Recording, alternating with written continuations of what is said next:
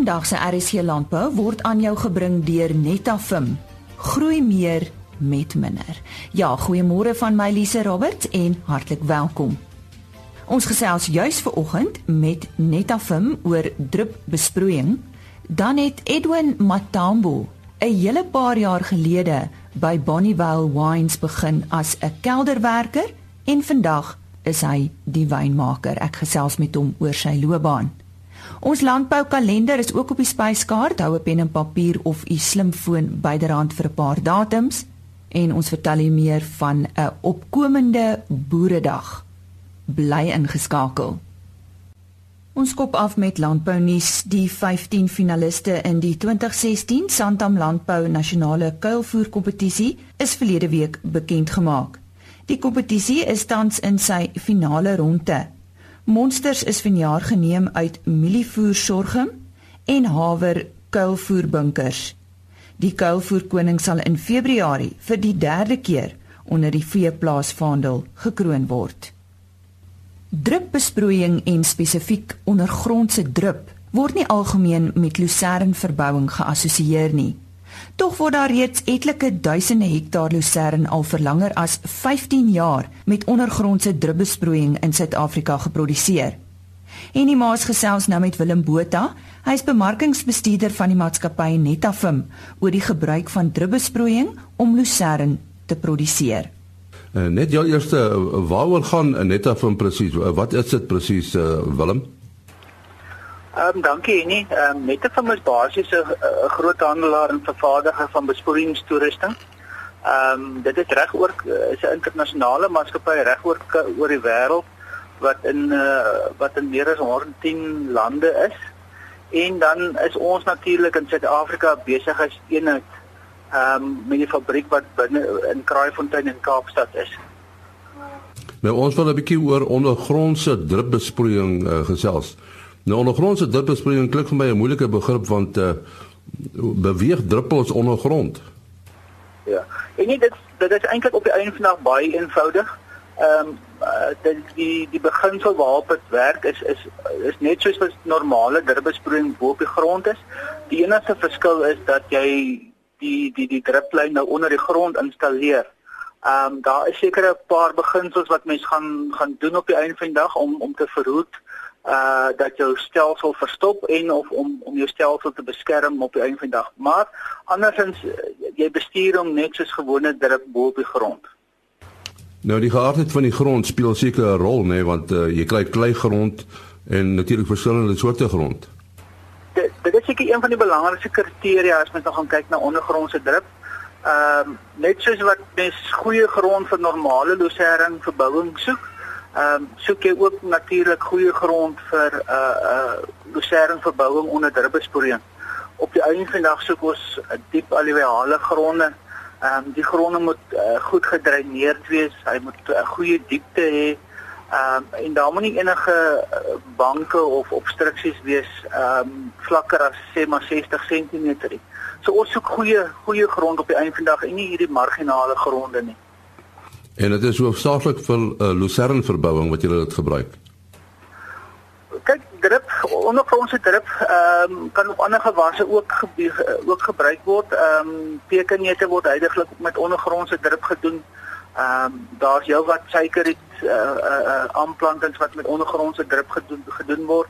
En natuurlik moet nou met boogrondse drip is die normale vrugte gewasse uh groentegewasse en en ranggewasse. So so enigiets kan met drip besproei word. Alles hang af of jy nou op die op die einde van dag boogronds gaan gaan of ondergronds gaan gaan. Maar vir lucernverbouing ehm um, is dit uitsluitlik ondergrondse drip. So die die voordele is waarskynlik of een van die voordele is waarskynlik dat verdamping ehm um, verhoed word. Dit is korrek. Ehm um, dit is seker die belangrikste uh, eienskap of of of uh, voordeel van van die ondergrondse drupbesproeiing. Omdat jy mos nou onder die grond is, word verdamping baie baie uh verlaag. Um, en en het die boer op die einde van dag mos 'n uh, groot waterbesparing. As ons kyk na stelsels of vergelyking tussen verskillende stelsels, ehm um, kan ons omtrent tot 30% met druppelspoeling bespaar op lucerne. Alles hang af ehm um, van met met watter stelsel jy dit vergelyk. As jy met vloed dit vergelyk, kan die syfer dalk 'n bietjie hoër wees, maar ehm um, ons werk omtrent op 'n gemiddeld van so 30% uh, eh, waterbesparing. Nou as jy hierdie druplyne installeer, watter spesifikasies moet gevolg word?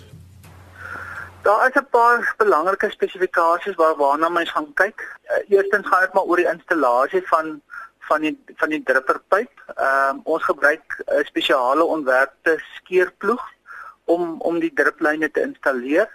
Ehm uh, normaalweg uh, hoe dit met lucerne werk is dat ons uh, uh spasieer die druplyne tussen mekaar so op 'n wyte van 1,2 meter en dan gebruik ons 'n uh, drupper van met 'n lewering van ongeveer 2 liter per uur um, binne in die drupperpyp natuurlik en dan elke 60 cm is daar 'n drupper. Uh so en en as ons gaan kyk na installasiediepte, praat ons so van so tussen 30 en 40 cm op die einde van die dag.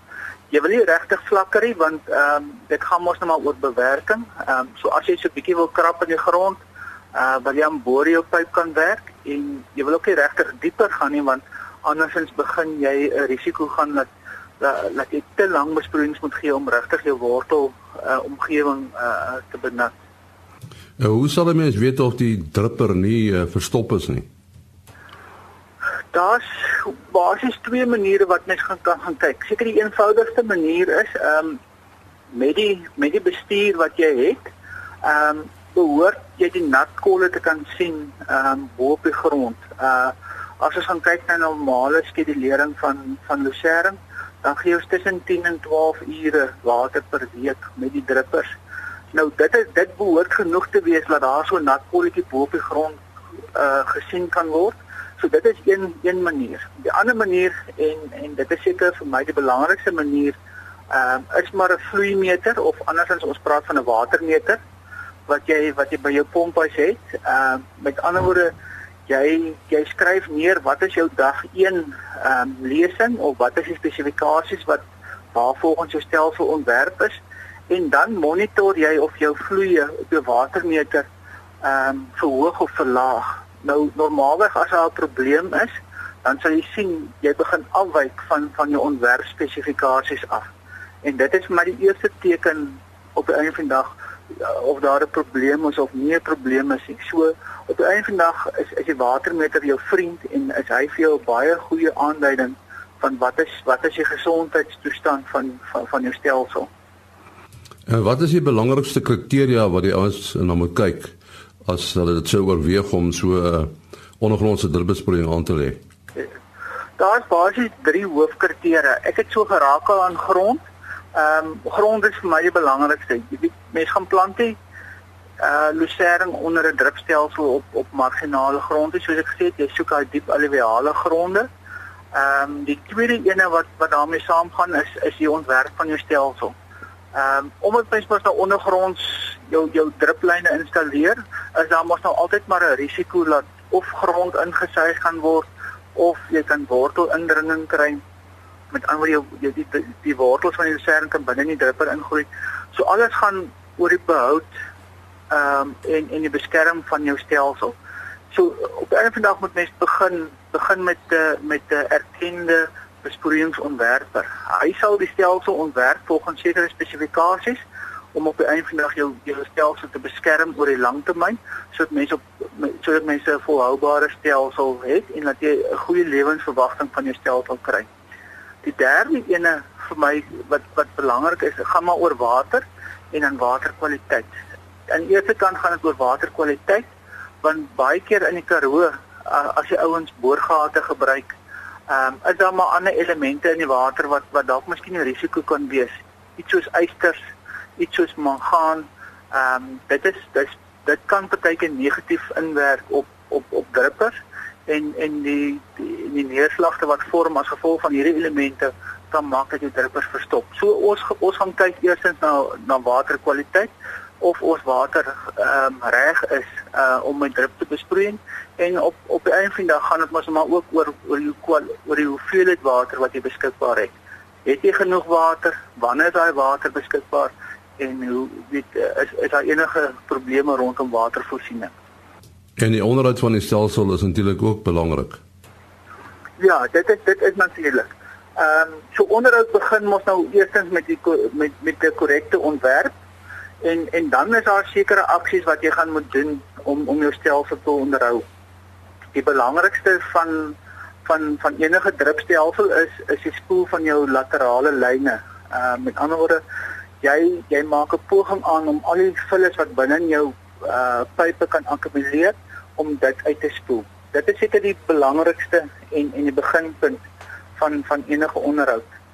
Afhangende van watter ander uh probleme jy voorsien in jou stelsel, sal jy beplan om om chemiese onderhoud te doen. Ehm um, so mens kan nou of uh uh die probleme wat jy kan kry is soos ek gesê het of die yster en mangaan neerslagte in jou pyp of mens kan uh 'n neerslag kry ehm um, byvoorbeeld uh van kalkneerslagte of andersins het jy wortelindringing. Nou nou die daai tipe verstopping verstoppingsgevare gaan jy moet chemies gaan behandel.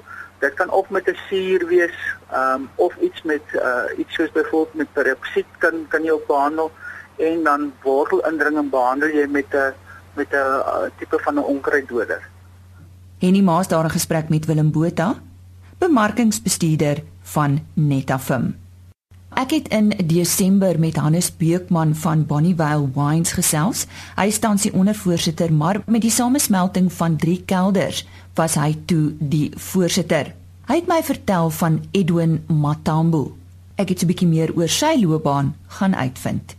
Ek het dit na matriek en ek het 'n uh, algemene kelderwerke begin um by 'n kelder met die naam Merwespond, dis nou voor samesmelting. Um en ek het begin pas en dit is waar my ehm uh, pad maar begin het as 'n algemene kelderwerker. En uh, wat is jou posisie tans, Edwin? Ek bekleed tans die posisie as die wynmaker by Merwespon perseel wat nou deel is van die Bonnievale groep as ek die wynmaker van.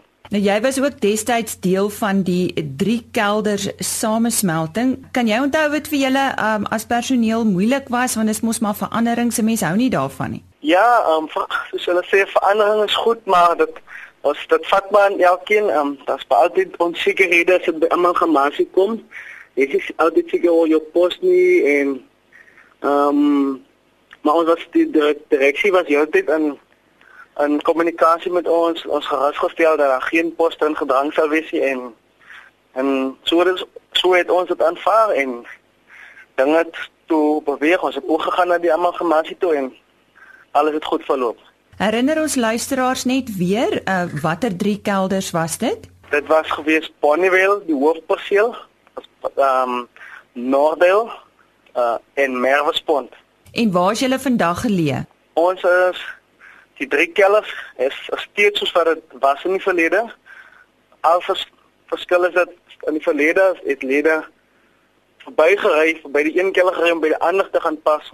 Maar ons het verander dat jy 'n lid kan pas naaste aan die kelder waar hy, waar hy is. So Merwesmond is nog steeds Merwesmond met die pas aktiwiteite. Nordels met steeds met al sy ehm um, aktiwiteite en masjinerie as ook met as ook Bonnievale. Kom ons gesels oor jou loopbaan. Hoe het jy gekom waar jy vandag is, Edwin? Uh watse opleiding het jy ondergaan? Ek het uh met my intrapslag het ek weet jy dat ek dit seker maar instink. Ek het baie eers in met my intrapslag het ek tyd gevoel ek het myself gesê ek wil ek wil graag ietsie van maak. Ek wil tot die beste van my vermoë en ek het 'n baie goeie verhouding uh met die uitmaker wat toe was in die verlede gehad en sy het my altyd ehm um, raad gegee ek kon met enigiets met my gaan praat so dis die mentorskap was daar gewees en my wil was daar ek het ehm um, passie gehad. Ek het net gehou van dit wat ek doen. So dit was my baie lekker. Elke dag. Met sy eie uitdagings en ek het geniet om te kom werk. Maar het mens nie 'n kwalifikasie as 'n wynmaker nodig nie? Moes jy nie Elsenburg toe gaan of so iets nie? Ja, ek het ehm um, soos soos ehm um, soos, soos jy sou genoem ehm um, Jy kan gaan studeer by Stellenbosch Universiteit of Elsenburg Uh maar vir my het dit ongelukkig nie daai 4 4 jaar ek kon nie die 4 jaar of die 3 jaar gaan doen by beide daardie plekke nie. Ehm um, ek het 'n uh, uh, modulêr het 'n kursus voltooi waarvoor die keller my gestuur het en ehm um, proe bygewoon so en so het ek geleer so ek het basies uh op baie prakties het ek het ek ehm um, geleer die wynmaakmetodes geleer en dan natuurlik omdat ek gehou het van dit wat ek doen het ek baie vinniger uh dinge vir my sin gemaak en die keller het um as bereid om aan my te belê en daar is ja. Hoe oud was jy toe jy nou wynmaker geword het amptelik? So uh ek dit was 'n ek wil vinnig ding sommer is my so maklik um 20 in 2014 het ek was ek um aangestel as 'n wynmaker by Merwe Spont. So dit is so 3 jaar terug. En hoe oud was jy toe? 30. Ja. Nou ek seker daar's heelwat luisteraars wat jou admireer vir jou deursettingsvermoë as jy dink waar jy begin het. Miskien het jy 'n boodskap vir hulle oor oor jou vermoë en jou wil om iets te bereik. Wat het dit regtig gevat? Ja, die jou bereidwilligheid om anders te begin, nederigheid. Moenie bang wees om um, om dinge te probeer nie en ja en ek het vir myself gesê ek wil eendag uh, 'n wynmaker wees. Ek wil nie of eendag die beste wynmaker wees. Ek wil die bes ek wil die wynmaker wees wat die beste tot die tot tot waartoe hy in staat is. En uh, waarna toe is jy op pad? Jy jy's nou gesê jy wil die beste wynmaker wees, maar uh uh is toekenninge van jou wyne vir jou ook net so belangrik? Ja, soos vir enige ander wynmaker uh, is toekenninge baie belangrik. Dit begin by die jong wynskou waar jong wyne toekenninge kry. Um, ek was gelukkig met my eerste uh, pas kon ek 'n silwer op nasionaal kry en uh, dit was vir my baie goeie motivering um, met my eerste pas waar ek um, met my, my droom kon voortset as 'n wynmaker en met die gesorgde medalje wat 'n silwer is dan op die uh, jong wynskou. As jy nou moet kies jou gunsteling wyn. My gunsteling wyn is moeilik. Ek kan nie jy skiet nie ek verkies um Sauvignon Blanc baie vrugte, vrugtige, ligte styl. Um meer ernstig er, ernstige wyn sal ek gaan vir 'n Chardonnay en by die rooi Cabernet. Ek het daar gesels met die wynmaker van Bonnievale Wines, Edwin Matambo. En nou vir so 'n paar items op ons uh, landboukalender. Die Sernik groep Boeredag vir opkomende boere vind op die 27ste Januarie op Kroonstad plaas. En op die 2de Februarie is dit Wêreld Vleilanddag. Ook op die 2de Februarie die wynoesherdenkingsfunksie by Groot Constantia Wynlandgoed uh, in die Kaap. Van die 2de tot die 4de Februarie is dit die Oeverbergse Landbouskou op Bredasdorp in die Wes-Kaap. Tot sover dan die landboukalender. Ja, volgende aan die woord is uh, Nick Serfontein van die Sernik groep en ons gaan met uh, met hom praat oor 'n uh, boeredag vir opkomende boere wat op die 27ste Januarie plaasvind. Is dit die eerste keer dat julle so iets doen, uh, Nick? Uh, nee, goeiedag en nee, dis nie eerste keer nie. Dit is uh ek dink die derde keer. Ons hou elke einde Januarie hou ons 'n boeredag vir opkomende boere. En die doel is maar jy weet morele ondersteuning so aan die begin van die nuwe jaar baie is op moet verloorse vlakte. Ehm uh, ons deel met hulle tersaaklike inligting oor nuwe programme, bietjie opleiding. Weer eens praat ons oor lekke en uh die aanwending daarvan. En so 'n paar ander uh, goed op die program ook. En hoe is die belangstelling van die opkomende boere se kant af? Die belangstelling is enorm. Jy weet ons het 'n belangstelling uit uh agt van die 9 provinsies, ehm uh, behalwe die Weskaap. So ons verwag omtrent 300 boere. Ek dink 'n ding wat hulle baie belangstel ook is die praktiese demonstrasies wat ons hou. Ons het 'n praktiese demonstrasie oor kunsmatige inseminasie wat hulle nie is. Hoe moet 'n bil lyk? Hoe moet 'n koei lyk? Hoe moet 'n bil lyk vir die groot koeie, vir die verse? En dan uh is ons uh, het 'n openingsspreker is uh, die DG van die departement van landbou, uh, meneer Mike Palangana. Ek weet nie waar hy gaan praat nie. En dan ander ding op die program is maar die landbank storie. Ons het samewerkingsooreenkoms met die landbank waardeur hulle vir ons geld voorskiet teen sekuriteit en rente en dan verleen ons dit vorentoe vir die boere. Uh die program, die eerste deel van die program is nou afgehandel. Uh baie suksesvol en ons kyk na die program te verdubbel, die bedrag te verdubbel na 50 miljoen vir die volgende jaar. Dit is dit gaan nou eintlik maar oor beesboere, né? Nee? Dit gaan oor beesboerdery, ja. Ja, kyk ons dit is maar ons beesboerdery, die voerkraal en die en die goeder so, dit gaan maar oor beesboerdery.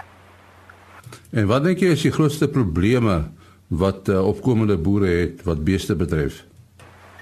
Ag, dit is maar die gebrek aan en die gebrek aan kundigheid, opleiding, ondervinding, uh gebrek aan infrastruktuur, uh waterdrade, jy weet die uh, hulle het net die grond gekry maar uh, jy weet verder het hulle niks nie. Hulle kan nie toe hulle het nie toegang tot geld nie hulle toegang tot sekuriteit nie.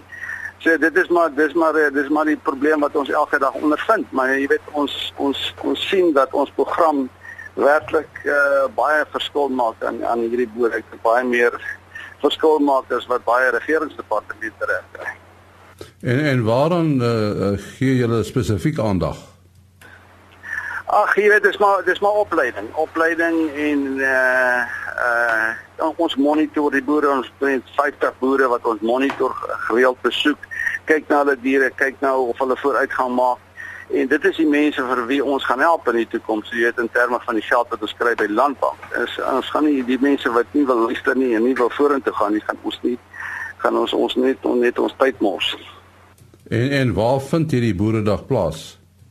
Dit vind plaas op die plaas Liebenbergstroom by Sernik, so in die onder in ons veilingslokaal. Uh ons het die middag het ons ook 'n diploma seremonie uh vir die 25 studente wat leer jaar 12 weke kursus by ons gedoen het. Uh en dan uh, waar ons opgewonde is ons 'n nuwe veil uh op uh opleidingsentrum gebou vir opkomende boere uh wat ek het met 'n kapasiteit van so 24 waar hulle kan lesings kry, waar hulle kan praktiese demonstrasies kry as 'n eetsaal en 'n slaapplek vir. Nou die ding die die opleidingsentrum word ook die middag geopen. As mense nou nog inligting wil hê, Nik, uh, kan kan hulle met jou skakel. Ja, hulle kan hulle kan met my skakel. Uh my nommer is 082 554 7690. Enige tyd welkom. Ja, dit is dan Nik Serfontein van die Sernie groep wat gesels het oor hierdie besondere boeredag vir opkomende boere. Net sy nommer weer 0825547690. Baie dankie Henny. En nou Martie Kerstyn met ons weeklikse wolmark verslag.